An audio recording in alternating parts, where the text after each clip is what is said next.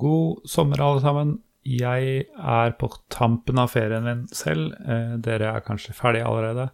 Og jeg vet dere har lyst på nytt nostalgiinnhold, så for å ikke la dere vente for lenge, så har jeg denne gangen, som forrige gang, eh, puttet inn en episode av Retro Crew der jeg pratet om Westwood Studios.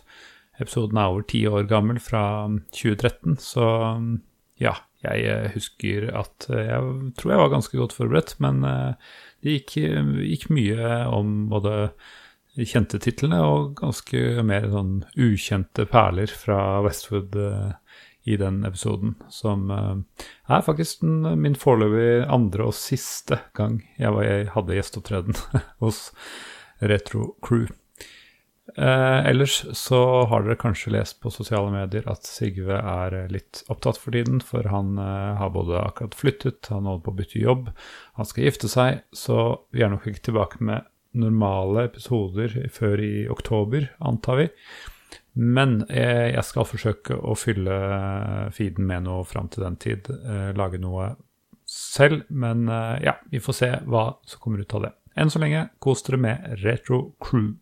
Ja, hei, det er Jostein fra radcrew.net her. Eh, Før ukas episode av Retro Crew så vil jeg bare tipse dere om at Radcrew nå har en eh, Twitch-kanal eh, på twitch.tv slash rad underscore crew.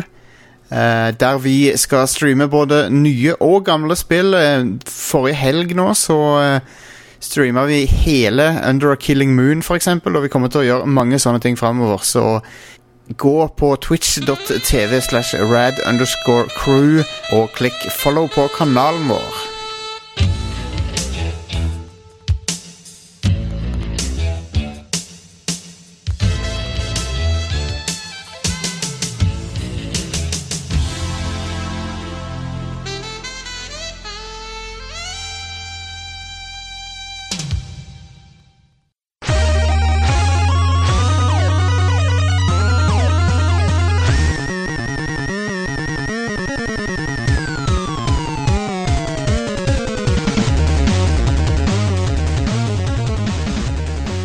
Hallo og velkommen til en ny episode av Retro Crew her på gamer.no.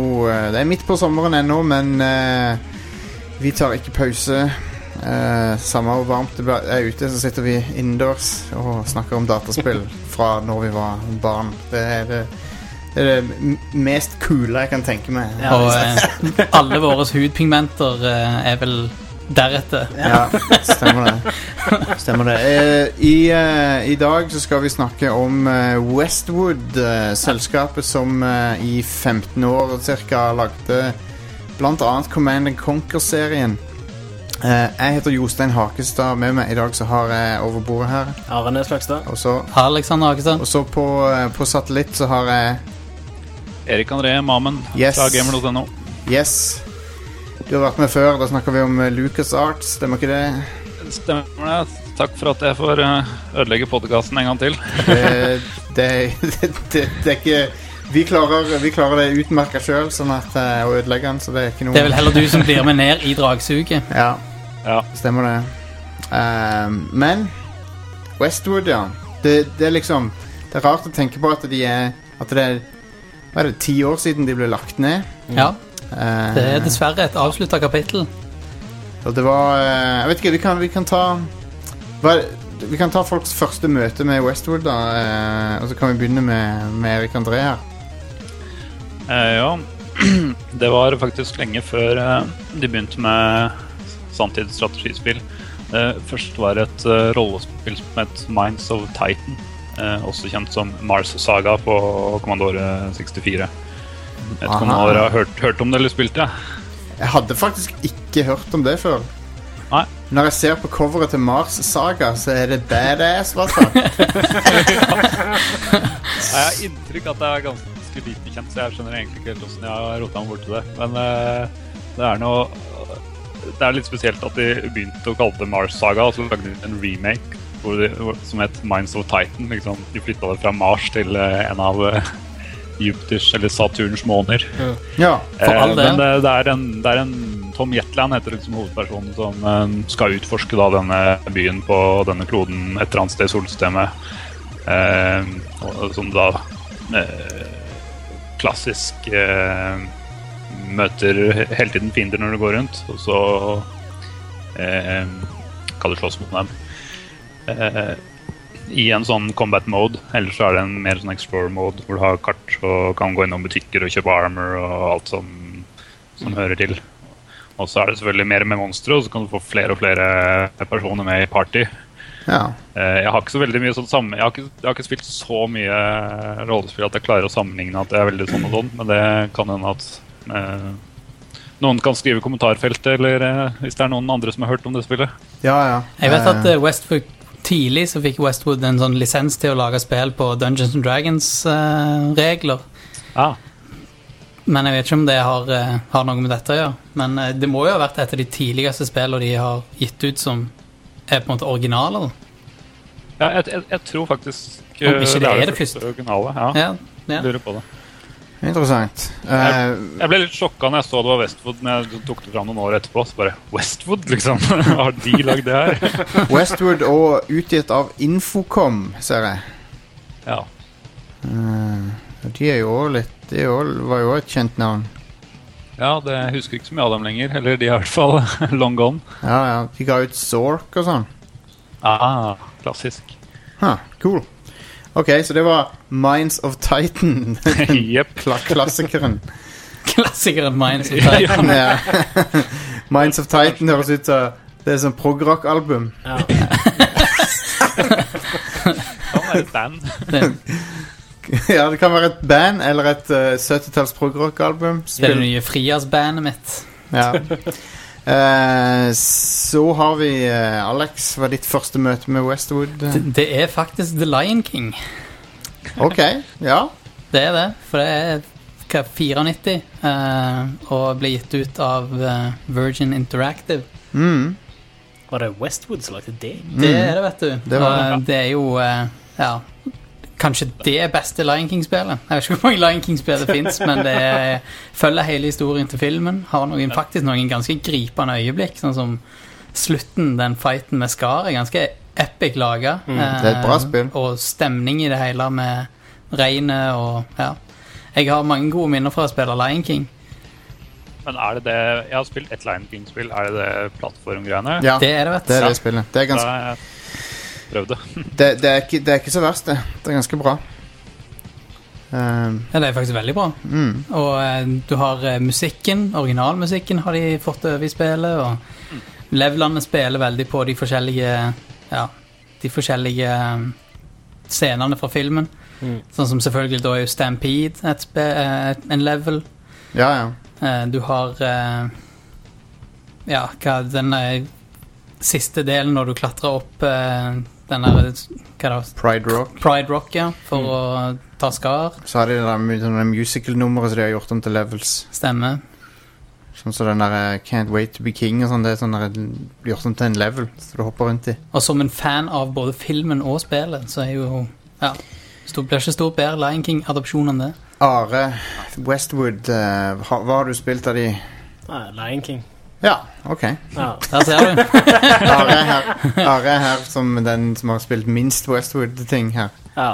Um, det er Ja, det, jeg tør Ja, Han er vel her for å holde deg i hånda, er det ikke det? Han å være. stemmer det. Stemmer det. Helt riktig. Uh, nei, Jeg kunne kanskje sagt Dune-serien, men jeg tror ikke jeg spilte det før etterpå jeg spilte Lion King. Nei. Så Lion King kom i 94, så spilte jeg ikke Dune i 94. Det er jeg ganske sikker på. Jeg, jeg skal si eh, Command and Conquer 1 var nok det første, mitt første møte med Westwood. Mm. Som eh, Når jeg så det, så var, tenkte jeg dette er framtida av dataspill. Det, det, det var bare fantastisk å se på i, i 95 eller når det kom ut. Mm. Det, det, det så helt eh, Animasjonene og de videoklippene og sånn, alt, alt var no, Det var liksom to hakk over alt annet jeg hadde sett. Ja. Eh, og, og den realtime-strategien og sånn. Jeg hadde aldri sett noe som fløyt så bra, liksom. Det, det var akkurat så det Nei, det var, det var, det var noe helt nytt noe. Jeg, al- liksom, jeg, jeg hadde aldri sett noe som ligna, selv om Jeg hadde jo ikke sett Dune 2 og sånn, men hvis du ser på det òg, så, så ligner ikke det heller, egentlig. Det, Command Conquer var, var liksom så visuelt imponerende, da. Mm. Pluss Ja. at det hadde et uh, megadigg soundtrack. Ja, det eh, også. med god gammeldags pop... eh, hva er det? Poprock? Lignende greier. Det er alt, alle mulige sjangre Ja. blanda sammen. Jeg Liksom, husker Warfare het favorittmusikken min der. eh, Ja, stemmer. Det var, en av de siste tracks som var skikkelig awesome. Ja. Nei, det, det Altså, det, hele uttrykket i Command Conquer er, er bare fantastisk. Og alle videoklippene og storyen og hvordan de hadde laga et univers der. Det var, var, det var skikkelig kult. Så ble du kjent med Kane Kane, ja. første gang. Helt, helt riktig. Ok, men la oss, la oss se på La oss gå litt kronologisk gjennom hva Westwood har jobba med. Eh, noen av de må vi dessverre hoppe litt over, siden vi ikke kan en drit om de. Deal with it. Ja, det er bedre, bedre å snakke eh, mest om de vi faktisk kan noe om. Eh, de har laga et Er det noen her som kjenner til Battletech, The Crescent Hawks Inception? Men nå har jeg lyst til å spille det. Det er Ja, den, den tittelen der, altså. Det er jo Det er òg eh, progrock-albumnavn. Ja. the, the, Det er tre prog-rock-albumnavn. the the Crescent Hawks Inception. Led Zeppelin-album. Hva er det, eh, Erik André, hadde du spilt det? Nei, det har jeg ikke hørt om. Jeg, har, eh, jeg ga meg etter Mars Saga eller Minds of Titan. Da Ja. syns jeg hadde fått nok. Ja, ja. Jeg likte også det forrige albumet mye bedre. uh, så lagde de et eh, Nightmare, on, Nightmare on Elm Street-spill. Om det er det på Jeg jeg Nintendo. Eh, er det på Nintendo? Jeg vet ikke. 89, så ja. Det er basert Det er på. Basert på filmen Elm Street, Elm Street 3. All right. Eh, Av, all, av alle ting, liksom. Så skal du Ja, nå skal vi lage en eh, Nightmare on Elm Street-spill. Um, men la oss gå for trien. Som, eh, jeg, hørte du, jeg hørte du brøt inn over satellitt her. Hva hadde du, eh, hadde du vært borti det, sa du? Ja, når du, det har jeg også visst jeg ikke at det var Westwood, men når du sier det, det Jeg spilte det en gang. Jeg tror det var naboen min som hadde det, så det ble vel med den ene gangen. Så Ja, jeg ble ikke så veldig imponert, men jeg har faktisk vært innom det. Circuits Edge fra 1990. Det er en, det er en uh, edge to edge. Det er en adopsjon av uh, en uh, roman All som heter When Gravity Fails. Sci-fi-spill her. Men la oss ikke glemme oppfølgeren da til Battletech. Battletech The Crescent, Haw Crescent Hawks Revenge. Ja. Hell yes. Fuck yeah. Allerede her ser du jo litt sånn tendenser til the awesomeness av Westwood. Ja, ja. Man, for noen uh, kule titler. ja. Uh, Circus Edge Dragon Strike. Det kjenner jeg ikke til. Eh, det, er et, det, det, det har den offisielle den Dungeons and Dragons-lisensen. Okay. Det var er det det jeg snakker om nå. Ja. Mm.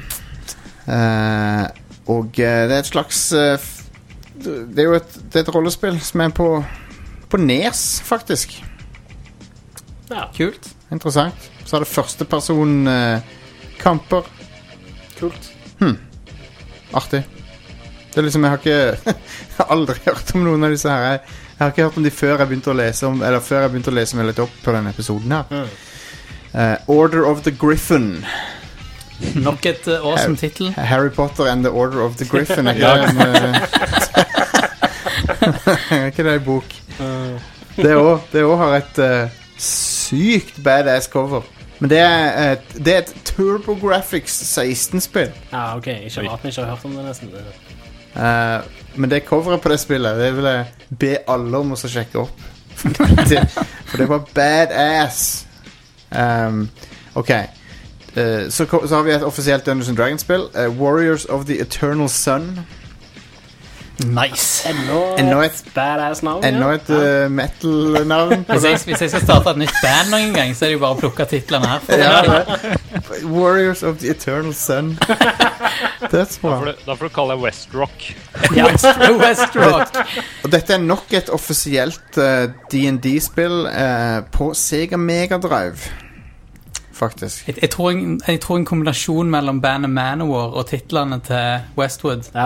eh, Det er en vei å gå for eh, suksess i musikkbransjen. Yes. Så har vi noe som kanskje er litt mer kjent for folk. Eye of the Beholder-serien. Ja. Eh, de har gitt ut en del Eye of the Beholder-spill her, står det.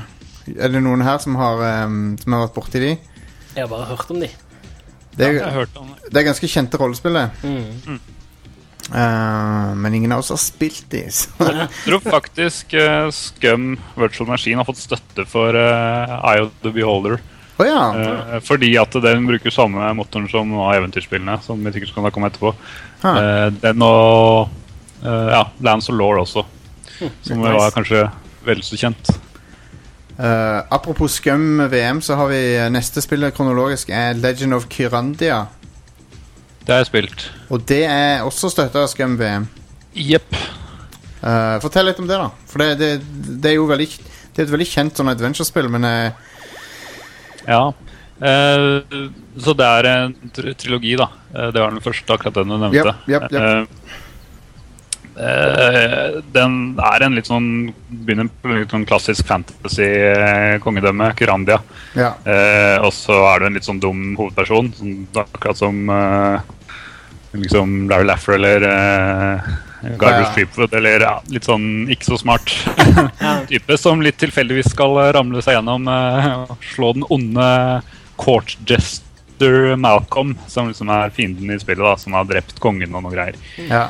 Eh, jeg syns ikke det var så fryktelig bra, det første spillet. Eh, og det, det gikk an å dø, og det gikk an å kaste bort tingene sine ned i en brønn, blant annet, mener jeg husker. Men jeg tror ikke du fikk det tilbake. Oh, wow. Nice. For å klare det, så måtte du kaste noe ned i den brønnen, mener jeg å huske. da. Jeg husker oh, man, for noe bullshit. Ja. Og så kunne du ja, oh. støkk, og du kunne gå i labyrint og dø, og det var liksom eh, Nei, det var eh, Ruthless. ja, jeg, jeg spilte det riktignok ikke på 90-tallet. Jeg spilte det sånn eh, på nytt, for i, sikkert fordi det kom i Scum eller noe sånt. Jeg hadde lyst til å Ja. teste det. Men jeg, jeg ble ikke så fascinert av det første spillet. i hvert fall. Men, eh, men seriøst, adventure-spill som, som, har, som har sånne game-breaking-greier, det, det er det verste jeg vet, altså. Ja, det er Ja, fordi du skal jo prøve. Eh, Ja. Du skal jo prøve å feile. Så da er det dumt at det går an. Det er jo noen Sierra-spill som har samme tullet. Men det var vel på samme tid som dette spillet kom, som Dune-serien ble lansert. Ja. 92. ja, men jeg kommer til det. Um, Jeg vet ikke om noen har spilt oppfølgerne, om vi skal ta ferdig den serien. eh, jo, jo, bare Ja. fortsett på Kurandia. For bok Eller eh, de blir kalt Bok 1, 2, 3. Ikke som jeg offer, de hadde vel Skulle være originale.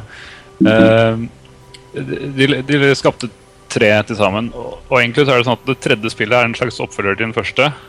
Og så er den andre i, veldig løs. Den foregår liksom i det samme kongedømmet, men med veldig sånn side Det har nesten ikke noe å si, da, det som skjer i eneren og treeren. Okay. For toeren. Og toeren heter altså Hand of Fate, og jeg tror det er den mest kjente I hvert fall spilte jeg det masse på 90-tallet. Eh, på sånn åtte disketter eller noe sånt. Ja. Eh, og det er kvinnelig Det er liksom faktisk motstykke til det første spillet, for det er en annen eh, hovedperson. Kvinnelig trolldame, wizard-aktig eh, ja, hovedperson. Ja. Og hun eh, kan mikse opp sånne potions, og hun er liksom veldig confident. Og liksom alt stikk motsatt av det første, egentlig. Eh, så jeg synes det er eh, utrolig bra. Og vi hadde en feature om det som Joakim på Gamer skrev for ikke så altfor lenge siden. Oh, ja. eh, som anbefaler, eller som skriver litt om det spillet. Og jeg, ja, den anbefaler jeg folk å titte på hvis de er interessert. Jeg syns det faktisk er det beste spillet i serien. Kult. Jeg vet ikke om noen av de andre har, har sett eller hørt eller spilt det. Eh, nei. Nei, det er ærlig sagt, det. Men det, det er faktisk den jeg egentlig vil anbefale mest. Eh, og det er fortsatt litt sånn der Du kan dø noen steder, og du Jeg tror ikke kan, kan bli stuck, men du kan altså, Det fins tilfeller hvor du kan dø, men det er veldig mye mindre. da Ja. Så det er en litt mer sånn vennlig spill. En ting er å kunne dø, men en annen ting er å, å flere timer seinere oppdage at du, er at du ikke klarer å fullføre spillet. Glemte nå på brett én, liksom, Ja. før du dro hjemmefra. Ja. ja. De har kvitta seg med det, så den, eh, det er mye bedre spill sånn sett. Uh, er det noen her som har noe kjennskap til Lands of Law-serien? Det har jeg sett veldig mange har nevnt når vi sa at vi skulle ha Westwood-episoden, Mm, men så, eh, så sa jeg beklager. kan veldig lite om Lands of Law. ja, jeg òg Nei, jeg har ikke noen noe kjennskap Mange som blir til skuffa over denne episoden her, når, når vi ikke kan nå Lance Lorick, Eye of the Beholder, som sikkert mange Helt sikkert. Westwood. Det fins tre Lands of Law-spill, og de er rollespill, og de eh, heter Lands of Law The Throne of Chaos fra 93. Lands of Law Guardians of Destiny fra 97, og Lands of Law 3. Yes. Uh, og uh, Var de tom for titler der, liksom? jeg vet at uh, Jeg vet at det Ja, The Lands of Lord the Third burde det hett. Sånn som Saints Row. Eh, men jeg, jeg vet at de er elska av veldig mange, de spillene der. Um, det, det jeg tror vi må gjøre, med, eventuelt gjøre med den serien, er å få noen som har peiling på hva de prater om, og så få de inn til å snakke om Lance of Lore. Ja. Ja. For at eh, det er dumt for oss å drive og synse så veldig mye om ting vi ikke har spilt. Mm. Eh, for da blir folk i hvert fall sure hvis vi gjør det. Ja. Jeg tror det er veldig, veldig bra, men jeg vet ikke. Men så har vi The Lion King, ja. Så har vi Young Merlin. Som eh, What the fuck er det for noe? Det er et snespill. Eh, som eh, de utvikla sammen med Virgin. Ja. Um, og så så har vi eh, en versjon av Monopoly som de lagde. Det, det regner jeg med er Monopoly, så det trenger vi ikke gå så mye mer inn på. Så tror- Monopol, rett og slett. Så tror jeg de kom til å tror jeg de trengte penger på et tidspunkt. Eh, kanskje de utvikla litt for mye på alle kanter, for de lagde en port av Resident Evil til Windows. Yep. Ja, ja, ja. og det er Resident Evil 1, så alle vet hva det er for noe. Det er akkurat som når sånne halvkjente skuespillere spiller i sånne komplette shitfilmer. For You gotta pay the rent. Så jeg Ja. tror, jeg tror dette var en av de oppdragene. Nå, det jeg velger å gjøre nå, er altså gå gjennom alt som ikke er Command Conquer-relatert. Og så tar vi det etter pausen. Um, så har vi da Denne her vet jeg at veldig mange liker. Eh, I kjølvannet av Diablo så kom uh, Nox. eh, som er en eh, Det er et action-rollespill i stilen til Diablo. eh, som har en del fans. Det er sånn der kult Cult following, skal vi si. Eh, og jeg lurer på om det er Lurer på om jeg så det tilgjengelig Er det på GOG.com, det? Jepp, det er det. ja nice. Ja, Det er det. Hjemme for det spilt etterpå. Uh, ja.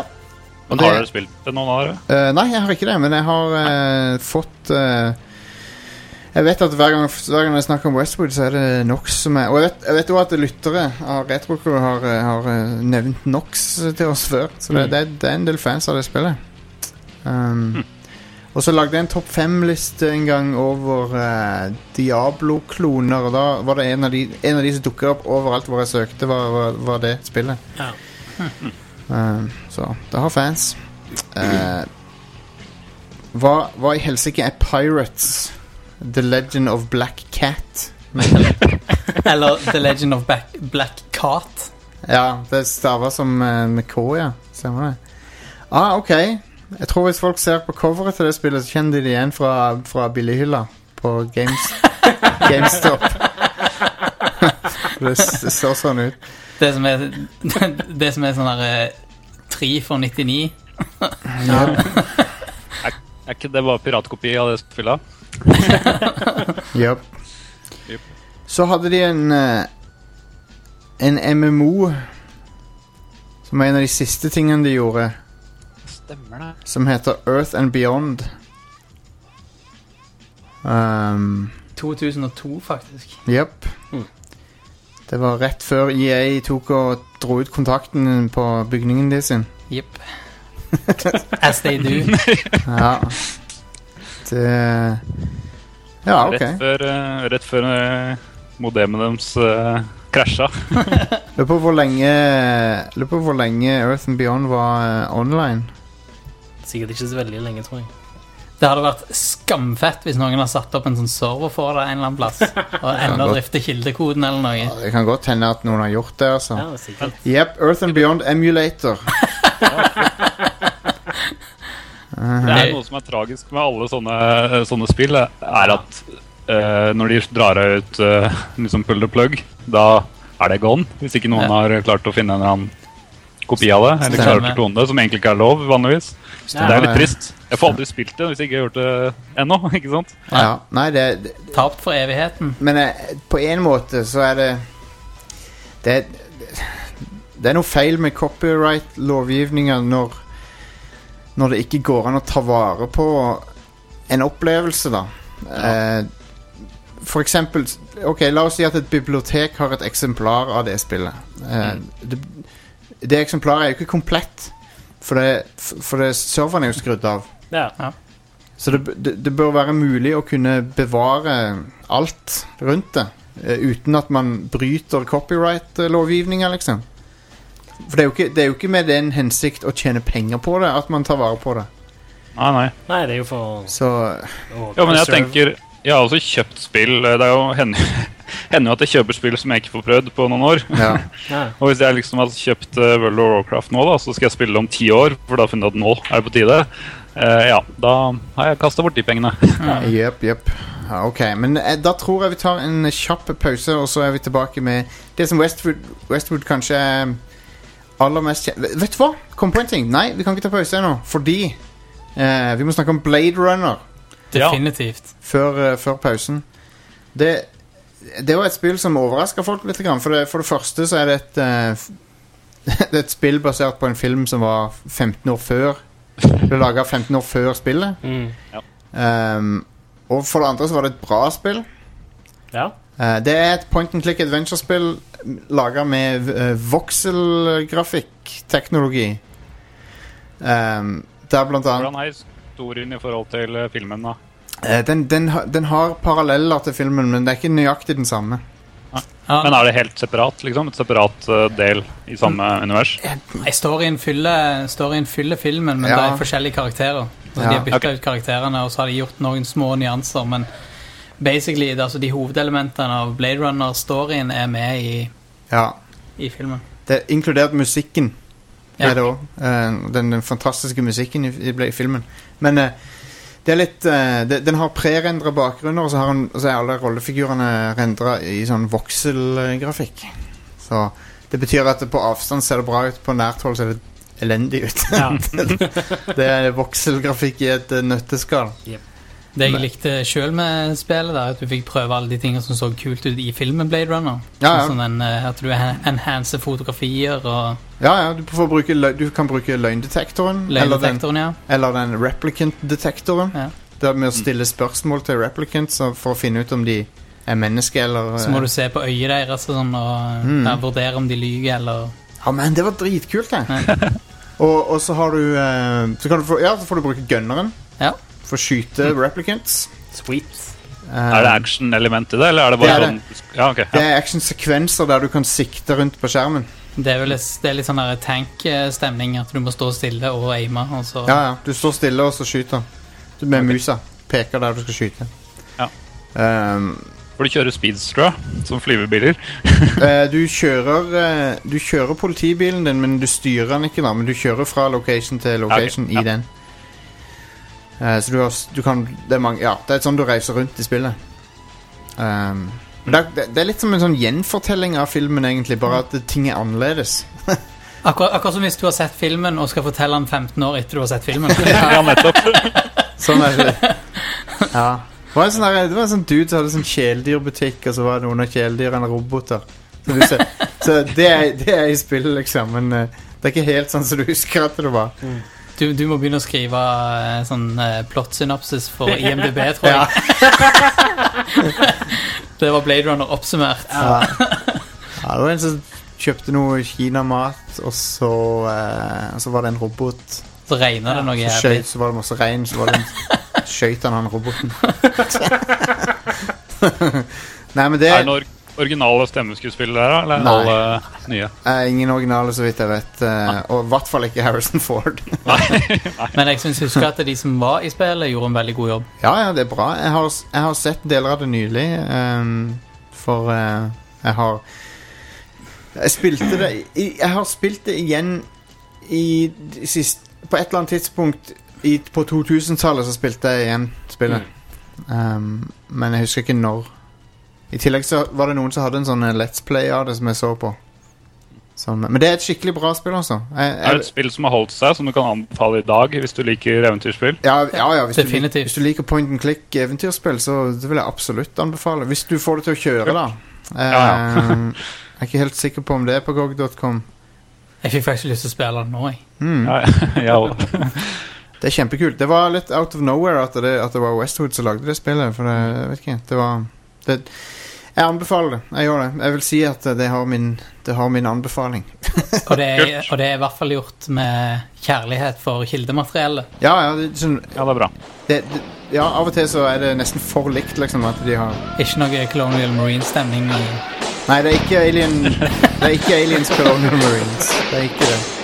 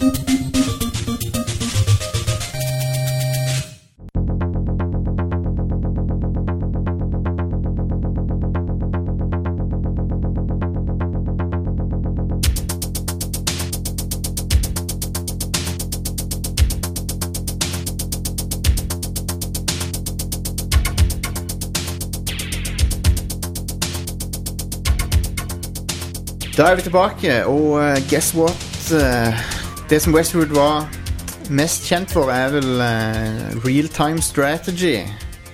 Eller yep. RTS, eh, som eh, det blir forkorta som. Um, hvis du sier RTS nå om dagen, så tenker du Starcraft, kanskje. Det er jo det definitive RTS-et. Eh, en, en slags perfeksjonering av den formelen Mm. eh, og den sjangeren.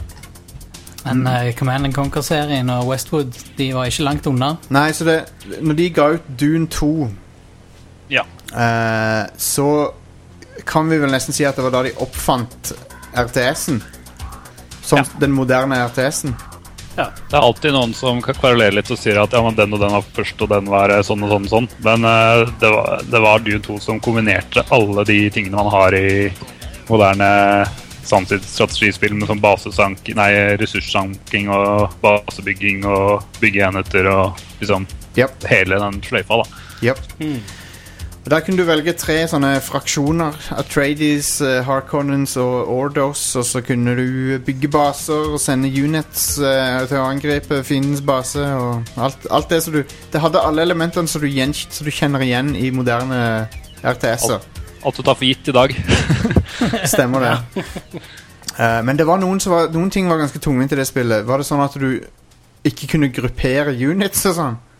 Ja, du måtte ta én og én. Ja. Jeg spilte den fiksa for lenge siden.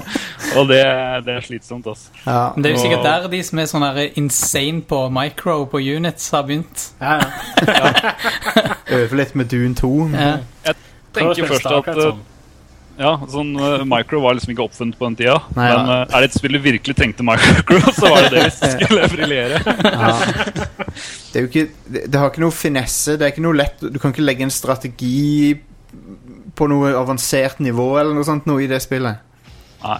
Uh, Og det er stort sett alltid at de dyreste enhetene slår de billigere enhetene, så det er bare å få fortest mulig de Ja, ja. dyreste og bare masse på de. Ja, du har ikke den Du har ikke den du, du Det er ikke den fine balansen eh, som du har eh, ellers. Altså, det er, I sånne spill som Starcraft og sånne ting, så kan de jo slå dyrere units med en rette komposisjon av billigere units. Og Mm. Alt er balansert til enhver nivå i spillet. Men eh, Nei, Ja. alle de tre sidene er nesten helt like også. De har bare noen få, to-tre særegne enheter. Og, Ja. Så det er, det er veldig likt. Uh, men de ga ut en remake som heter Dune 2000. Stemmer det? Og eh, Emperor Battle for Dune kom også. Jepp, jeg har spilt alle. Jeg skrev eh, tidligere i år en sånn feature om alle Dune-spillene, inkludert det aller første, som ikke er lagd av Westwood i det hele tatt. Mm. Eh, som jeg anbefaler folk å titte hvis de er interessert. Ja. Um, Men ja, Dune 2000 ble jo litt kritisert. Eh, Jeg skal ikke gjenta alt jeg har skrevet der, men Dune 2000 ble litt kritisert fordi det, det var akkurat det samme. Det, altså det var jo en remake, men jeg tror folk forventa at det skulle være liksom en oppfølger og noe nytt og noe bedre. Men det var liksom, de hadde veldig mye av det samme, Ja. bare at det var bedre grafikk. ikke sant? Ja, ja sant vel. Det er liksom ikke Og verden hadde vel utvikla seg litt eh, Ja, altså, RTS-messig siden den tid. eh, For, mi, for Ja. min del, det som, det som fikk meg til å si fuck dette her med Dune 2000, var at jeg måtte bygge hver eneste tile av sånn der, sånn sement på, oppå sanden. Stemmer det. Sånn. I, Du- I Dune 2 visste du ikke bedre, men det visste du i Dune 2000. Ja, for det, det er noe tedious shit, altså. Eh, Uh, og, og det var det som fikk meg til bare Nei, dette er ikke like bra som Command Conquer. Nei, plutselig at I Command Conquer så har du forskjellige eh, sider, men eh, nok en gang i Dune 2000 så er sidene så å si identiske. De er tvika litt i forhold til Dune 2, men ikke mye. Så De har Ja. liksom mye av de samme problemene. Men eh, over til det som eh, alle virkelig elsker Westwood for, og det som eh, man kan sies å være den eh, rettmessige faren til, til RTS-sjangeren. Den som, den som sparka hele greia i gir, liksom. Yep. Og det er Command and Conquer. Ah, Command and Conquer. for, første gang Ja, jeg sa det jo tidligere i episoden, men første gang jeg så det spillet, så bare Det, det ga meg bakoversveis. Eh, Liksom, det var Jeg kom rett fra um, spill som var mye mer primitive. Mm. Og så så jeg det, og når alt flyter må, du, Måten du ser eh, eh, liksom eh, Battlefielden flyte med units og fly og båter liksom, Ja. Og, og når, når du deployer bygninger, så har de en sånn kul animasjon. Alt, alt ser Ja. liksom, Alt så så sykt kult ut. Stemmer det. Så, så med en gang jeg så det, så tenkte jeg dette må jeg ha. Jeg tror, du var ikke den eneste der, for det var jo en ganske heavy kommersiell suksess òg. Mm. Ja. Jeg tror den kom i Guinness rekordbok, leste jeg, eh, fordi den solgte million enheter eller eh, eh, ti millioner. Det Jeg husker ikke, 10 sånn millioner, tror jeg. mange. Ja. Shit, det er mye, altså. Um, og det har, det har et soundtrack som bare er fantastisk. Og Men, men vi må, må ikke undervurdere det, det der GDI og Nod-greiene med, med de vi, story, storyen og videoene og sånn som de la inn i det spillet. Var ganske revolusjonerende, syns jeg. Ja, Det var ikke så mange spill som hadde kommet med video. Det var litt Det begynte jo å komme da, på den tida, men Ja. eh, det var jo veldig peisa på. da Og det var jo alltid gøy å vinne til mission for å se hva for noe video du fikk se neste gang. Stemmer det. Men det var bra produsert, liksom. Det var det som var det, Det det, var veldig seriøst. Ja, kanskje, kanskje, kanskje litt sånn Kanskje litt sånn i overkant seriøst. Sant? Så det, det har jo blitt gjort narr av seinere. Ja, Til- nå I etterkant sier man jo det, men det var jo veldig kult da. da Ja, jeg- snakka jo til oss og sånn. Ja, ja, du, det ga deg en sånn følelse av at du var viktig. sant? Mm. Du var den de trengte for å vinne krigen. Men det var jo ikke akkurat bra skuespill eller noe sånt. da Når, brydde du deg om det når du var liksom 13-14? Du gjorde jo ikke det. Da, du, var, du, var ikke, du var ikke i stand til å se det engang da. Jeg bare sier, Siden dere sa at det var bra produsert og sånn, og det er litt sånn Ja, nei, egentlig ikke. Altså, Te jo, teknisk sett var det bra produsert. Og, Jo, men det ser ikke ut som det er Hvis du ser på sånne Sega CD FMV-spill ja, og ja, sånn det var et ganske bra hakk over de der der filmene. Altså, det, det, det er flere hakk over tidlige FMV-spill. det er det. Absolutt. Um, men så var, det var så kult å se Ja, de der videosekvensene der du fikk se svære eksplosjoner og tanks og fly og båter og eh, det, var, det var imponerende uh, sånn datagrafikk, da. Mm. Um, det samme år som um, Samme året som Toy Story kom ut, faktisk. og uh, på den tida så føltes det som at det var Jeg var faktisk ikke så langt unna kvaliteten til Toy Story, men det, det var jo ikke like bra, selvfølgelig. Men Nei, nei. Det, det føltes sånn. Men uh, hele greia går ut på jorda, som har blitt infisert med mineralet tiberium, Ja, Som sprer seg ukontrollert. som sprer seg ukontrollert. Og for å kontrollere og ja, contain it, så må godeste Global Defense Initiative eh, ta affære eh, mot The Brotherhood of Nod. Stemmer det? Leda av eh, en person som har tidligere nevnt, som heter for Kane. yeah. Kane er jo en badass. Og en eh, figur som går igjen i hele Command Conquer-serien. eh. Japp. Som en slags eh, man in the shadows. Mm. Ja, han er, Ja. elsker Kane, altså. Han er dødskul. Han er ikonisk. Det er den eneste som har vært med i mer enn ett spill, tror jeg. Jeg tror ikke det er noen andre som har gått igjen. Nei, det stemmer det. Stemmer det. Så kom eh, På hælene av dette spillet, da, så, så laga de en spin-off. Jepp. Og det er den er Minst like populær. Ja, ja det, altså kanskje til og med Kanskje mer populær òg, sånn i, i, i hvert fall sånn i ett Jeg vet ikke om han solgte like mye, men folk snakker nesten mer om Red Alert enn de snakker om Command and Conquer. Og der nevnte vi Ja. Red Alert, eh, som er da eh, nøkkelordet i denne setningen. Det er Yep. jo eh, Åh, man, for et spill det var. Jeg, jeg, jeg vet ikke hvor mange hundre timer jeg har i eh, Red Alert. eh. det, jeg har sikkert brukt Altså hvis det er i gametime, så har jeg sikkert brukt et halvt år inne i Red Alert. Ja, det var, i hvert fall Mer enn jeg noensinne har gjort i noe annet. Altså i eh, type World of Warcraft, eller hva det, må, hva det måtte være. Ja. Men eh, nei. Både Jeg, eh, ja. Fortsett, Erik. Ja, eh, nei, jeg syns jo eh, Red Alert var eh, litt kjedelig. For jeg syns det var veldig det samme som en Command and Conquer, bare om vinteren og, i fortiden. mens Command and Conquer var i nåtiden. Ja. Eh, jeg veit at det skyldes litt at det kom til Windows 95 og til DOS. Og jeg hadde ikke fått Windows 95 ennå, så ja. det ble, jeg fikk ikke de forbedringene mine ville få hvis jeg hadde spilt Windows-versjonen. Nei, du, du fikk ikke uh, HD. Nei, ikke SD. eh, 640 ganger 480. ikke sant?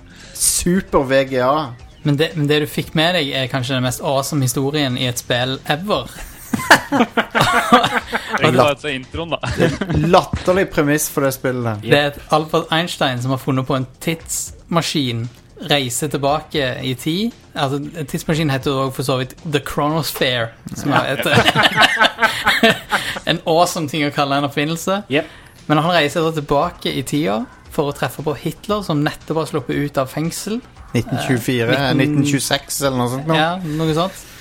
Eh, for å drepe Hitler og eh, ja, egentlig motvirke andre verdenskrig, eller få andre verdenskrig til aldri har skjedd. Mm. Dette får han til, Ja. men som en konsekvens av at han har endra timelinen, så har Sovjet blitt så sterke i, med, altså, med Josef Stalin at de velger å angripe isteden.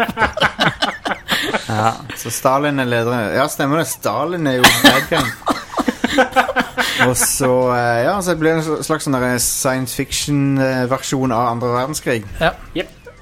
Eh, Sweet. med Der russerne bruker eh, Tesla-teknologi. Ja.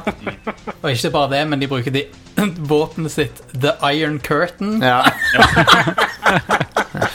You can't make the shit up. Det er, det er så jævlig bra lagd. Iron Curtain er det som gjør uniter usårbare. Okay? usårbare. Vi ikke? så bare en liten stund, ja. Ja. Og eh, som ally så har du da Chronosphere, som du kan teleportere units med. Uh, men uh, Altså, for et Balls premiss for et, for et spill. Men det spiller jo veldig på det sånn der uh, The Red Scare, da. Det, jo, altså, det heter jo Red Alert, så det Ja. spiller veldig sånn undertoner av uh, kalde krigen, og ja. Det er derfor de har våpen som er The Iron Curtain og sånne ting med. Yep. Um, la oss uh, snakke litt uh, kjapt, Alex, om uh, hvor modbart Red Alert 1 er. Ja, for det er altså jeg, jeg må si jeg reagerer litt når du sier at det var kjedelig. For da skal jeg introdusere deg til en verden av rules.ini. Rules.ini. Dette var da en fil som fulgte med spillet når du installerte det. Hvor du kunne åpne filer. Du kunne søke etter en tekststreng som heter rules.ini. For så å konvertere tekst om til nei, For så å kommentere tegn om til ren tekst. Ja, du måtte kopiere det ut og så lage en tekstfil av det. Stemmer det? Stemmer det. Uh, og det, Og- ga, det ga deg liksom uh, overraskende mye tilgang til spillet sine ressurser. Det ga deg tilgang til alt av spill. Altså, min beste kreasjon er en sånn paratrooper-fly som hiver hunder ut, som skyter med M1 Carbine. Det er min aller beste kreasjon. Sweet. så, som en gang eh, hundene hoppet ut av flyet, så lagde de den der hundelyden som de gjorde i spillet. Og så hørte du bare etterpå sånn drr, Stemmer. Men eh, meg, meg og Jostein eh, spilte jo mye multiplayer, hvor vi hadde diverse kreasjoner av spillet. Blant annet så hadde vi Albert Einstein som kunne hive atombomber. Men begge to måtte ha samme rules inn i filer, hvis ikke så funka det ikke. Stemmer. Ja. Albert Einstein som heiv atombomber, har vi lagd. Sweet. Som granater.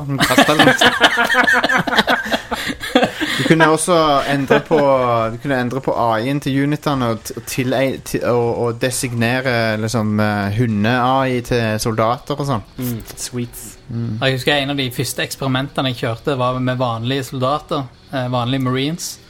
Så står det på den våpenet som de har, eh, M1 Carbine Det, det husker jeg ennå. Det står i fila, så heter våpenet klassifisert som M1 Carbine. Men eh, der eh, kan du sette en range på det våpenet. Så der den sto på 15 eller et eller annet sånt, så husker jeg la, Hva skjer hvis jeg setter denne på 15 000? Så det som skjedde var at med en gang unitene kom ut av barracksen, så begynte de å skyte på de unitene som var helt på andre sida av kartet. Det er dødsbra. Ingen kunne produsere Marines fordi de døde sekundet de kom. Så det du sier er at Westwood ikke klarte å balansere ordentlig, så de måtte, du måtte gjøre det selv. Stemmer det? Den ultimate balansen. Yes. Terrorbalanse. Men eh, det her eh, greiene her, i hvert fall i min eh, kompisgjeng, så ble jo rules.ini ble en sånn her underground-greie hvor vi, vi gikk til hverandre og hadde med hverandre sine rules INI-fil. Ja, og nice. Lagde egne når vi skulle sette opp nye multiplayer-spill. Og det ble sånn skikkelig eh, Ja, må sjekke ut den nye rules-INI-fila mi. Det var på diskett, eller? ja, ja. Most deaf. Jeg ser nå på, jeg ser nå på etter et Google-søk at du kan laste ned mange rules inn i filer Ja, nice. som, som, er pre, pre, som er forberedt for det. Sweet. Med som gir forskjellige effekter. Blir ikke stort bedre enn det. Eh, og rules inn i var også i senere spill, og Red Lord 2 og, og Tiberian Dawn og sånn òg. Mm. og når, når det er sagt, skal vi videre da, Alex, til, Ja, til Tiberian Dawn. Tiberian Sun. Tiberian Sun, mener jeg. Første Command Conquer-spill er vel kalt Tiberian Dawn sånn på folkemunne Er noen det- plasser, er tror jeg. Ja, jeg tror det. Ja, Arena. Slags uoffisiell tittel, tror jeg. Ja, Tiberian Sun i hvert fall, som uh, I don't know, det, det virka ikke som det slo an helt. Uh, eller tar jeg helt feil nå? Nei, jeg hadde ikke feelingen at det var like populært som de andre spillene. For eh, var, det er den første ordentlige oppfølgeren til uh, Command and Conquer, originale. Ja. Men uh, poenget var at de hadde med en sånn sneak peek på Siberian Sun i den originale Command and Conquer. Ja, stemmer Ja! Men det stemmer, det. Og det så ut som det var en sånn der førstepersonsspill. Det så utrolig kult ut, egentlig. Mm. Bare sånn prerendra, men det så liksom ut som du kontrollerte det fra point of view. Så jeg tror folk ble litt skuffa når det var liksom Når det ikke var det det var, da. For du fikk vel ikke det til på den tida. Jeg husker den videoen. Ja. Uh, I Baron Sun så tror jeg Er det der James Earl Jones er med? Stemmer det. Det tror jeg det er. Som en av, uh, en av skuespillerne. Konge. Stemmer det. GDI-general, tror jeg. Ja, ja. Og, eh, og Kane, selvfølgelig. Tiberian Sun så introduserte de et plott der det var noen aliens. eh, du fant en sånn krasja ufo og sånn. Ja, sånn vagt hint om at det var noe, noe mer. Ja, stemmer. Og så, for, så, ble, jo, så ble jo det spilt på seinere òg, men, men eh, Tiberian Sun så introduserte de Det var litt mer sci-fi-prega, var det ikke det? det hadde du, du hadde sånne uh, uh, Mex og sånn. Ja. Ja, men Husk på at Den originale Command Conquer var jo nesten i nåtiden. Det var liksom noen få år i fremtiden. Det var jo ikke noe teknologi som var noe veldig Det var litt sånn Orca-helikopter og litt sånn lasere, men de var, det var ikke så veldig i fremtid. Nei. Men her var liksom spolt fram 30-40-50 år, eller noe sånt, og da var det jo litt mer science, science fiction. Stemmer. stemmer. Uh, skal vi hoppe over Renegade? Der, der prøvde de seg på det som folk trodde Tavern Sun var, da. ja. Eh, sånn førstepersons skytespill. Jeg har faktisk eh, prøvd det. Og det er vel blitt regna som en av de dårligste ja. Command Conquer-spillene. Jeg, jeg gadd ikke å fullføre det, for å si det sånn. Nei. Er vi nå inne i uh, Electronic Arts? Uh, Nei, ikke helt ennå. Vi- Tilbake til Tiberian Sun, så jeg, jeg hadde det gøy med det spillet, husker jeg, men jeg hadde liksom ikke ja, det ble glemt. Det var gøy når det varte, og så ble det fort glemt. Ja. Føler jeg. Jeg synes Ja. jeg husker at storyen var ganske svak, egentlig. Um, Ikke at storyen i de andre spillene er Jeg sånn vet ikke. monst... Ja. Nei, jeg husker ikke. Men uh, jeg kan òg huske nesten scene for scene, bare ut av hukommelsen, hva introfilmen var. Ja. Det er jo, jeg vet, Av en eller annen grunn så at sånne ting brent seg inn i min, mitt hode. Uh, det de hadde i Tiberian Sunday, var en ny game engine som, som der unitene var uh, Jeg vet ikke om de var polygonale helt heller, men det var en slags sånn derre Det var noe 3D-aktig. det var noen partikkeleffekter og sånn eh, i det spillet som, som eh, var litt eh, nye på den tida. Så det krevde Jeg husker Tiberian Sun tror det krevde litt PC òg. For det hadde en del sånne avanserte effekter. Ja, det, vet du hva, de, had, de tok, en, eh, de tok en, noen sider ut av eh, Total Annihilation, tror jeg, når de lagde det spillet der. For det, det, har, det, har, har noe sånn Total Annihilation-aktig over seg, for den måten det føles på. Altså, det er jo snudd sånn det, det er jo fortsatt 2D, men det er jo sånn snudd så det ser sånn Det er isometrisk. Ja, stemmer. Ja. Stemmer, det er Eh, isometrisk. Eh, Husk, husker jeg de hadde en sånn cloaking device en av sidene. Yep. Og den mener jeg husker du brukte minne. Eller liksom, du begynte å hakke når ting skulle cloakes. Konge. Smooth. Det var den, der de brukte alt. Før, før, før vi går videre, det var noen sånne rip-offs av Command and Conquer som kom i kjølvannet av Command and Conquer. Sånn som eh, det der eh, Kill, Crush and Destroy. Ja. Eh, KKND. KKND og KKND2. Ehm, så det var noen sånne strategispill som prøvde å være Command and Conquer, men ikke klarte det helt. Det var jo ikke strengt tatt dårlige spill. Nei, det var de bare ok. ble veldig overskygga var av eh, Command and En- Conquer men de- awesomeness. De eneste som matcha kvaliteten, eller nesten matcha, var Blizzard og Total Annihilation-folkene. Mm. Ja. Syns jeg, da. Men uh, Nå får jeg sikkert klage på at jeg sa det, men whatever. Deal with it. Eh, men så ble de kjøpt av EA, s- eh, og Når de ga ut Siberian Sun, så var de eid av EA. Electronic Arts, alles uh, favorittselskap. For, uh, så de er, de er så godt likt at de får awards hvert år. kan, kanskje ikke Å nei, det var kanskje ikke det positive award. Uh, worst company in America. Men uh, det er jo litt latterlig, det, da. Men, Ja, uh, men ja, de, når de ga ut Tiberian Sun, så var de eid av EA. Selv om EA var ikke involvert i, i, i det spillet. Men Det var de i dette skjedde parallelt med at Origin ble kjøpt opp av EA. Eh, før, før Origin var en uh, En uh, Steam-klone, så var det et selskap som lagde spill. Ja, Ultima og sånn, var det ikke det? Og Ultima, Wing Commander, Privateer um, På mange måter et spill som har mange paralleller med Westwood, egentlig. Hva de holdt på med òg. Mm. spill, spill med mye, mye animasjon, mye sånn FMV. Ja. Og eh, med fokus på å lage nye verdener, på en måte. Sånn lage, lage sånne nye franchiser og, som ble veldig populære. For eksempel Wing Commander. Mm. Eh, så ja, det er egentlig ganske to like selskap, sånn sett.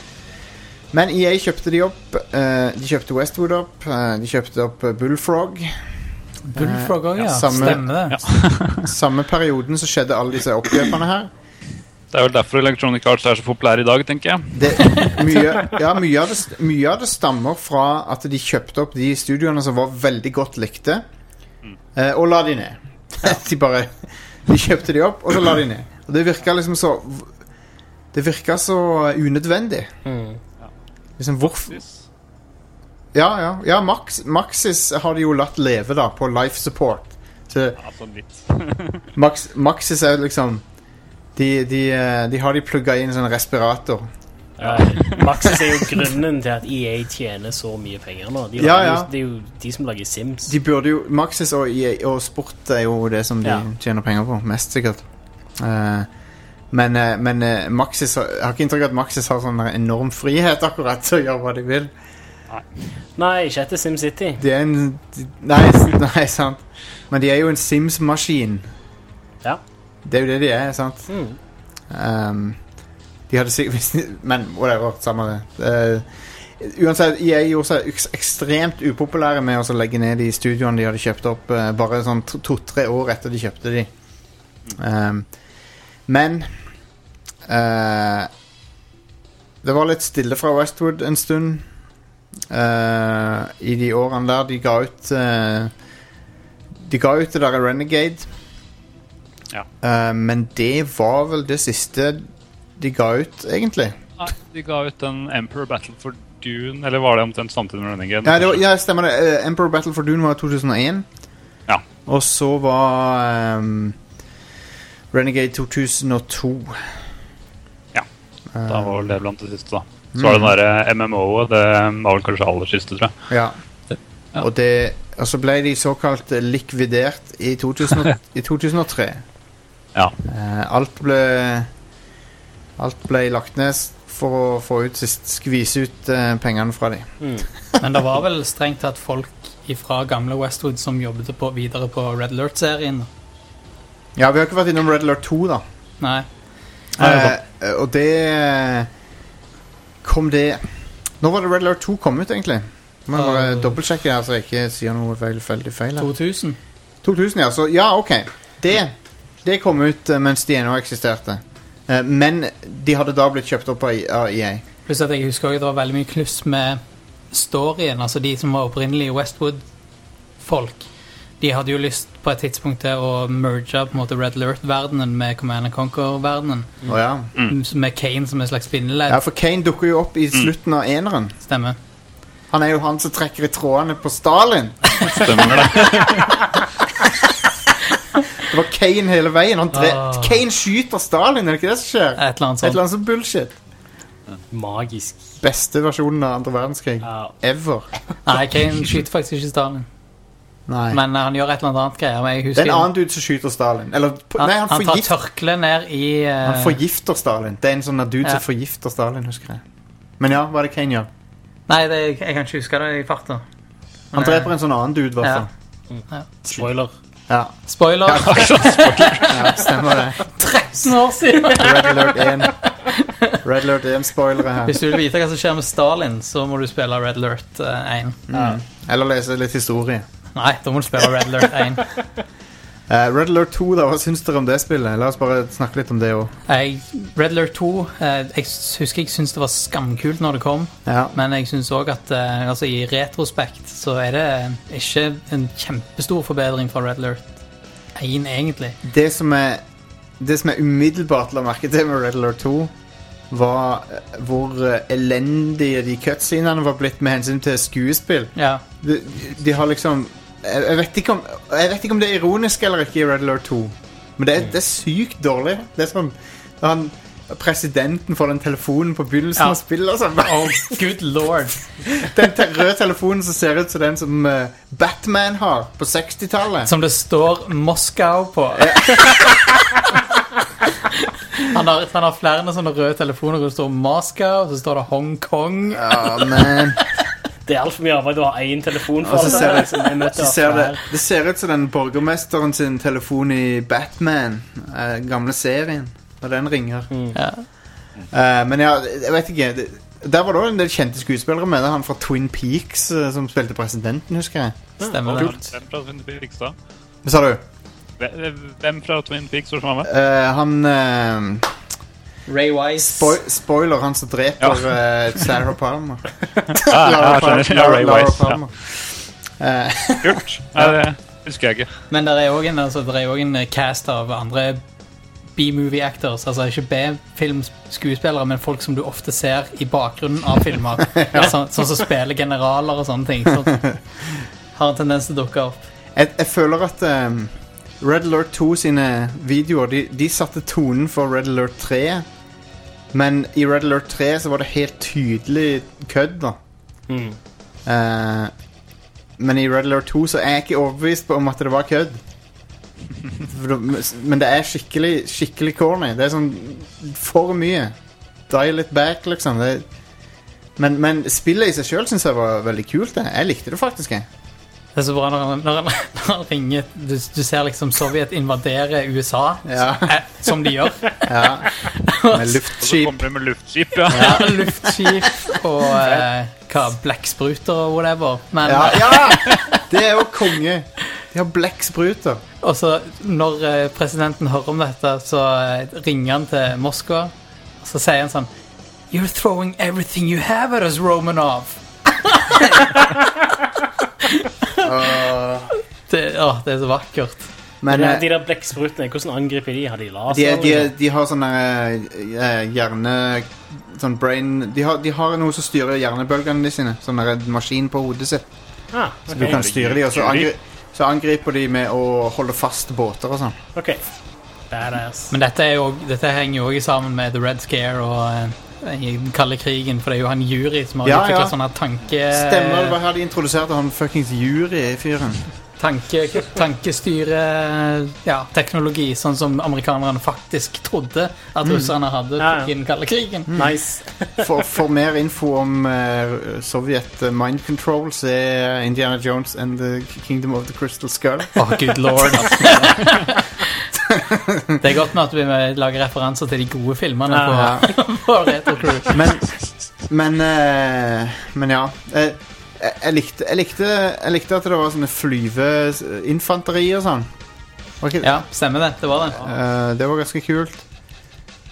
Jeg kan, ikke, jeg kan ikke med hånda på hjertet si at det er et bra strategispill den dag i dag, for jeg har ikke, spilt det på evigheter. Det er nok eh, strengt tatt ikke det, tror jeg. Hva, det, Erik André, har du spilt Red Alert 2 noe særlig?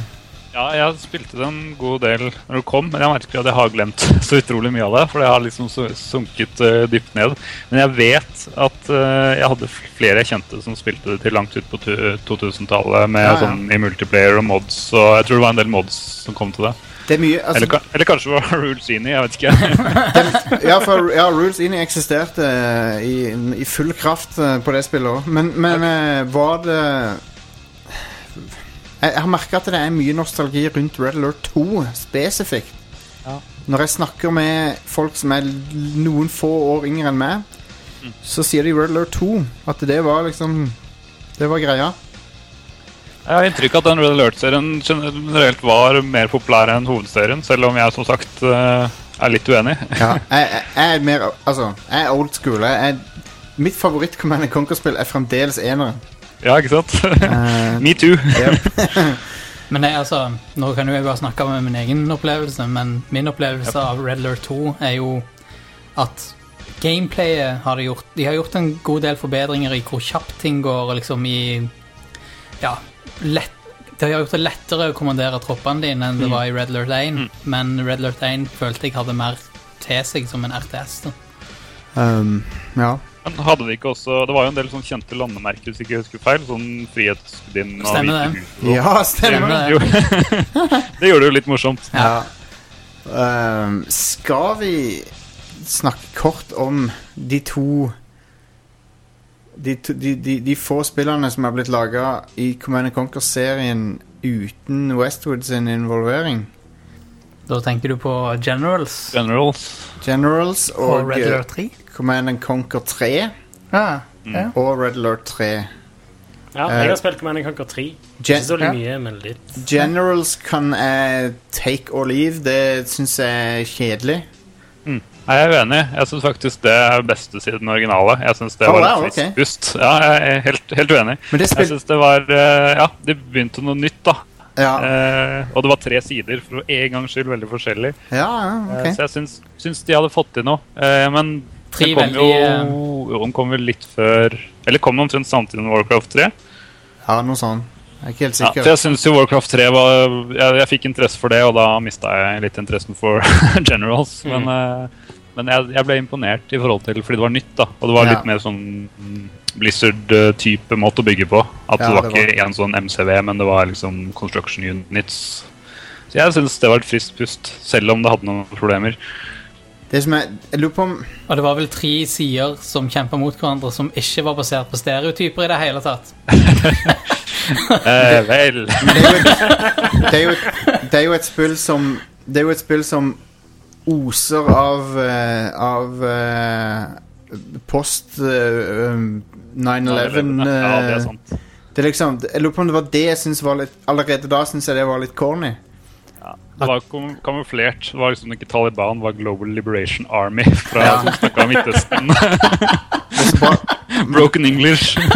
men det er så bra at du har en egen egen terroristfraksjon, liksom. Ja. De, nice. dette er terroristene. De kjører De kjører, de kjører pickup trucks og uh, hiver molotov cocktails. Oh, good lord. At du, Det er liksom ah, Ok, de er terrorist Det er sånn jeg kjenner igjen en terrorist i virkeligheten også. Mm. Hvis, de, eh, hvis de kjører trucks. ja, ikke sant? Eh, Så hadde jo mobs og sånn, ja. ja, stemmer. De hadde mobs. ja! Fantastisk. Oh. Good going. Um, Good going. Command Conquer 3 syns jeg var veldig bra. Jep. Jeg likte veldig godt det at de embracer the cheesiness av de gamle filmsekvensene. og. Ja, ja, Og de gjorde det, men de var, gjorde det med skikkelig bra production quality. ja, ja, og- ja, Kane var tilbake, og, og det var veldig bra um, Veldig bra FMV-cutscene, syns jeg. Mm. Det var jo flere fra Lost, var det ikke det? Som var Jo, med i jo, stemmer det. Han, han er, som spiller Sawyer og sånn. Ja, Josh Ja, det er Holloway. Josh Holloway. Nei, nei. Er det, Det er ja, ja, stemmer. Ja, ok, da surrer jeg. Og Eh, så fra Battlestar Galactica var det vel noen? Ja, ja, ja, stemmer det. Stemmer det. Kult. Jeg likte det spillet. Jeg, jeg synes det Ja, det var, kult. mm, Uh, det det, siste skikkelig bra, syns jeg, da. ja, det var en verdig oppfølger til Ja. Command Conquer, syns jeg. Uh, men ja, nå hører jeg på stemmen din at du ikke er fan av Red Alert 3. Ja, faktisk, Det gadd jeg ikke å spille, fordi jeg følte at jeg fikk nok med Det, Det er et undervurdert spill, Ja, da, spør du meg. da altså. må jeg si deg en ting. At det, det spillet er eh, verdt å spille om, om bare pga. FMV-sekvensene. Som er helt fantastiske. Der de har, det er en slags parodi på Red Alert. Eh, der de bare går De tar han fullstendig ut med galskapen. Ja, Om det er et uh, spill som tar embrace the cheesiness av uh, FMV og sånne ting, så er det i hvert fall Red Alert 10. George, George Takei spiller eh, eh, Ok, keiseren av Japan. du, du, må, du må ha litt bedre setup enn det når du skal snakke om George Takei. Okay. For det, det, som skjer i, eh, det som skjer i starten av Redler 3, bare for å gjøre timeline oh, ja, enda mer fucka, Ja, det er konge, det som skjer der. det er at eh, du møter da på eh, Peter Stormare, som, er, som, spiller, som spiller en uh, scientist som har oppfunnet en tidsmaskin, selvfølgelig igjen. Ja. Uh, de drar tilbake i tid for, for å drepe Albert Einstein. Sånn, at, sånn at han ikke får muligheten til å lage atombomber. Og dermed heller ikke får muligheten til å ta, tysk, til ta Adolf Hitler. da. Men det er jo det får altså, La oss ikke gå ned i detaljer. Men eh, når de kommer tilbake igjen, så, så liksom eh, får du høre fra en radio at altså, The Soviet Army is advancing on every front. Og Ja. blant annet så spiller jo da Tim Curry eh, pre uh, premieren av Russland. Ja, Tim Curry! Eller Sovjetunionen. Han er fantastisk. Uh, men det som da skjer, det er at det plutselig kommer inn noen meldinger fra en annen sidelinje. Hvor da de blir, de blir angrepet av The Empire of the Rising Sun. Nei, Jap Japan. Og de har blitt en, de har blitt en sånn høyteknologisk supermakt. Leda av eh, George Takei, som spiller Emperor Yoshihiro. Fuck yes! Ok, Jeg skjønner, jeg må se litt YouTube i hvert fall. Ja. Og de, de har da gigantiske samurai-roboter. Yes. Eh, ja, Og de har en, en unit som er en sånn eh, Japanese eh, schoolgirl som har sånn psychic powers. som, kan, som kan liksom knuse ting med tankene sine. Sånn. Så hun går rundt i sånn skolejenteuniform. Ja, ja, konge. Um, det, er, det er magisk. Det er helt fantastisk, det spillet der. Det er så crazy. Men åssen er gameplayet? Er det, er det liksom et spill som, Det- jeg tror- jeg tror- er morsomt å spille? jeg tror en av de største feilene de gjorde med det, var at de ga det ut for konsoll i det hele tatt. Ja. Ja. Jeg, jeg syns det er veldig bra strategispill. Um, og, det, det er jo, og det er tilgjengelig på Steam òg, så jeg, jeg ville sjekka det ut. Jeg syns det, jeg synes det var underholdende. Ja. Uh, du blir aldri Du slutter aldri å bli underholdt av det spillet. Uh, men, men det er ikke noe sånn de, de tar det ikke på alvor på noen måte. da Det, de, de, bare går helt i andre retningen. Det, det blir totalt crazy. Men det er jo den rette måten å gjøre det på, da. Ja, på, på mange måter så var det kanskje det rette valget å ta Red Alert i den retningen der. Ja. Uh, helt, Jeg leser her at det står at David Hasselhoff skal være med. Stemmer det, eller? Han, Ja, han- spiller The Vice President of the United States of America. Yes! David Hasselhoff er med, ja. Awesome. uh, men eh, det beste En av de Altså bare for å nevne noen, da. Du har Peter Stormer, som jeg har nevnt. Du har Tim Curry. Uh, Gemma Atkinson, for de som vet Mo- hvem hun er. Britisk uh, modell som er egentlig mest kjent for å, å være hot, liksom. Det er det eneste hun er kjent for. Nei, hun var med i den Hollyoaks. Uh, den uh, Ja, stemmer det. stemmer det Jamie okay. Atkinson fra Hollyoaks. Og så kommer, så kommer den lista med skuespillere som jeg liker eh, godt, og det er Jonathan Price. er. Ja, fuckings Jonathan Price. Også kjent fra filmen 'Tomorrow Never Dies'. Skurken fra den, ja. Og hovedpersonen i Brasil, sci-fi-filmen. Uh, ja, ikke ta og sett de opp mot hverandre, kanskje, men uh, Men så er det også JK Simmons, som jeg alltid har syntes har vært eh, Han spiller kule B-roller i absolutt alt. Mm. At jeg, tror, jeg tror ikke det er en film han ikke er med i på et eller annet nivå. Je Jenny McCarthy, tidligere Playboy-modell og eh, ekskjæresten til Jim Carrey. Ja, sweet. Hun spiller da Tanja, hvis du husker. Ja, det, ja, hun, har tatt, hun har tatt over rollen, rollen som Tanja. Og hun, det husker jeg. og, hun Det er en, en som har gått igjen.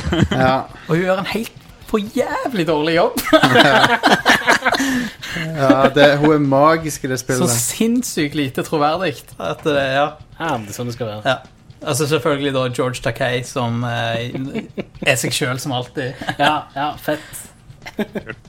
Kelly Hu Kelly Hu. er med. Mm. Nei, så Red Alert 3 er bare insane. Eh, Det, det, det er liksom Jeg vet ikke. Hvis det er det siste vi får høre fra Red Alert, så er det greit, syns jeg. Mm. Det, det er ok. Det er en bra send-off. Men én ting som er Ja, sorry. Nei, jeg bare sa i motsetning til eh, Command Conquer-franchisen, som, eh, For et free som fikk en foreløpig avslutning med, Hva er den het igjen det siste? Tiberian Sunset? Eller noe? Twilight? Tiberian Twilight. Ja. Ja, Og det, Twilight. det fikk jo veldig dårlig omtale. Ja. Så Ja, de hadde gått bort fra basebygging og sånn, var det ikke noe sånt nå? jo. Ja. Det er alltid smart når du skal lansere et RTS. ja. Det, var, det var synd, men uh, kan du se fram til Free to Play Command Conquer snart, da? Det er ja, det, ja veldig, veldig spent på hva det blir for noe. ja, ja, jeg vet ikke. Men en ting som vi ikke har snakket med om Westwood ennå, det er Westwood og samarbeidet med Frank Lepacki. Ja, Ja, musikken, da. ja. Musikken til spillerne. Han, han er skikkelig bra komponist, altså. Han er det, han, han, jeg tror han visste veldig godt sjøl hva de spillerne trengte for å bli awesome. Ja, ja. Altså, du har jo eh, altså Red Alert er jo prega av litt sånn halvmetal, eh, industrimetal Mm. type mm, Kommunisme. musikk. Kommunisme. Stemmer. Uh, altså, du har jo ikoniske spor som eh, Hellmarsh og yep. Grinder, yep. bare for å nevne noen. Yep. Uh, men det er vel han som har Command and Conquer òg, er det ikke det? Jo. Acton uh, Instinct og Jo, jo. Ja, ja, alle de Og den derre Mechanical Man og sånn. Ja, Mechanical Man. Elsker de sporene. Skal vi synge karaoke til den nå? Ja, den er veldig, egner seg veldig godt til det. Ja. Nå, eh, nå begynner denne episoden å bli lang i uh, Begynner å bli lang, det var det jeg ville fram til. Ikke så retro lenger heller, så Nei. Men uh, folka som er um, Folka som starta Westwood, mange av de er ennå i gamingindustrien. De, eh, når de ble eh, sagt opp, eller når ting begynte å bli dårlig, så gikk de ut og så starta de selskapet Petroglyph, OK. som har uh, lagd noen XBLA-spill. Jeg tror de har lagd et spill som heter et eller annet sånn Panzer Attack, eller noe sånt. Okay. som er sånn tile-based ja, strategispill. Um, Altså, Det er garantert noen som ennå er hos EA, og så er det garantert folk som har spredd seg andre steder òg. Ja. Jeg leste en gang at eh, siste Westwood-folka forsvant etter Generals. Eh, da bare ga de ikke mer. Da var de lei. Oh, ja. ja jeg, jeg, kan, jeg kan tro på det også. For Ja. de ble ikke akkurat uh, bra behandla, så Mm. uh, Men det som er Nei, det var, det var uheldig, det der. Og det henger ennå igjen spøkelset der med de nedleggelsene. Det er Ja. De uh, skjønner ikke helt hva EA tenkte på den gangen. Uh, og det, det tragiske er jo hva de har gjort med en del av de seriene ettertid. Det vil si ingenting. Sånn som, uh, sånn som Wing Commander. ja. Ja. Har ikke gjort noe med det. Altså, Eh. Command Conquer har de jo fortsatt, da, som vi allerede har snakka om. Men det, Det det, er de. mange de ikke har gjort det med. Mm. Altså Ja, altså, Command Conquer har, har jo fått utgivelser nå. Ja, ja, ja. Det har Ja. de. Men, men, men i hvilken verden jeg, jeg skjønner ikke hvordan de kan, ikke kan se pengepotensialet i Wing Commander. Nei, Ja, filmen drepte vel det. Ja, fi, ok, okay. I Et par-tre år etter filmen kom ut, så kan jeg skjønne at det måtte være litt karant karantene på Wing Commander. Ja, Sier du at uh, actinga til Freddy Prince jr. ikke holder mål? Det er bedre enn Matthew Lillard, i hvert fall. I, den, I samme filmen. Men uh, nei. Det er så bra Freddy Prince jr. ser alltid ut som han holder på å grine i filmen. Ja. Og Matthew Lillard ser alltid ut som han holder på å lose it. Ja. Nei, så jeg savner Westwood. Det er, litt, det er rart at det allerede er ti år siden at de forsvant. Mm. Uh, jeg assosierte de Når jeg så logoen til de på skjermen Når jeg starta opp, så jeg assosierte det med kvalitet. Ja, Mm. definitivt. Uh, akkurat som jeg, Ja. ja, det er, jeg skal si det er en av mine liksom, personlige topp tre eller noe sånt. Uh, spillselskaper som har betydd mest for meg. ja, ja. Hvil- Hvilke andre to, vil du si? Eh, Jeg tror kanskje Lu Lucas Arts er en klassisk vinner, og så er det et litt mer ukjent eh, Access Software, eh, Ja. som lagde Tex Murphy-spillene. Stemmer. Eh, Fantastisk, det òg. Men Og- eh, det, det kan vi ta en annen episode. Ingen, ingen av de tre eksisterer med det navnet lenger. Nei. Nei. Det er, men det er dessverre en eh, sånn eh, Det- trist historie av en utvikler som begynner, begynner i det små med porting. Begynner å lage originale spill, blir kjøpt opp, blir kjøpt opp igjen. Klarer ikke å innrette seg etter hva Eller ja, hva skal du si? Klarer ikke å bli eh, skikkelig tatt opp i EA-systemet. Og så blir de driter EA i det, og så pull the plug. Ja Det er ikke den eneste du kan si om det, som jeg har nevnt i denne podcasten. nå. Nei. Men men, men jeg er helt enig med, med LucasArts og Westwood og, og Access. Det er tragisk at eh, Men heldigvis, da. Access eh, lever jo på sett og vis. Ja, de folka som lagde, har jo kickstarta noe nytt, så Ja. eh, så de, de, de er ok. De, de er ikke helt vekke fra Men, Ja. men Westwood og LucasArts, faen meg begge to døde. Ja. Mm. Lu LucasArts, liksom. Det er rart at de Selv om mange regner vel de sin død for å ha skjedd mye lenger bak i tid. ja. Ja men det er ti år siden, det òg. ja, omtrent ti år siden det òg. Selv om de har, hatt, de har hatt bra spill etter det òg, men sp sporadisk. Ja. Um, jeg syns uh, for eksempel at uh, The Force Unleashed var bra. Det har ikke vært noe bauta siden 90-tallet, i hvert fall. Nei, de har ikke det. Nei. De har ikke det. Nei, det, det- Dette var et interessant uh, tilbakeblikk på Westwood. Uh, selvfølgelig mest fokus på uh, Command and Conquer, for det er jo det som er, var slageren deres. Ja. Um, så jeg håper dere likte å høre på det. Eh, takk til dere som eh, Dere i studio og, og Erik André over eh, satellitt her. Takk for at jeg fikk eh, bidra denne gangen òg. Jo, bare gøy. Denne, dette ble tidenes lengste episode av Retrocrew, så eh, hvis dere syns det er for langt, så må dere si ifra. Hvis dere syns det var kult Da er det min feil. Men, vi- men hvis dere som hører på syns det var kult at det var en lengre en, så kan dere også si ifra. Det, det er liksom det, Men det var vanskelig å gjøre å snakke om Westwood uten å gå litt Strekke det litt ut. Mm. Det, det er så dumt når vi sier at nå skal vi snakke om et selskap som, alle, som mange elsker, og så blir det bare sånn Nei, nå må vi slutte, liksom. Vi kunne lagd en episode bare med Red Alert. Ja, vi kunne for så vidt det. Altså, Kunne så vidt det det. er nok å ta av der. Mm. Ok, men uh, sjekk oss ut neste mandag. Ny episode av Retrocrew og selvfølgelig Rad Crew på hver torsdag. Så um, ja. ha det bra, folkens. Hei da. Farmativ. Yeah.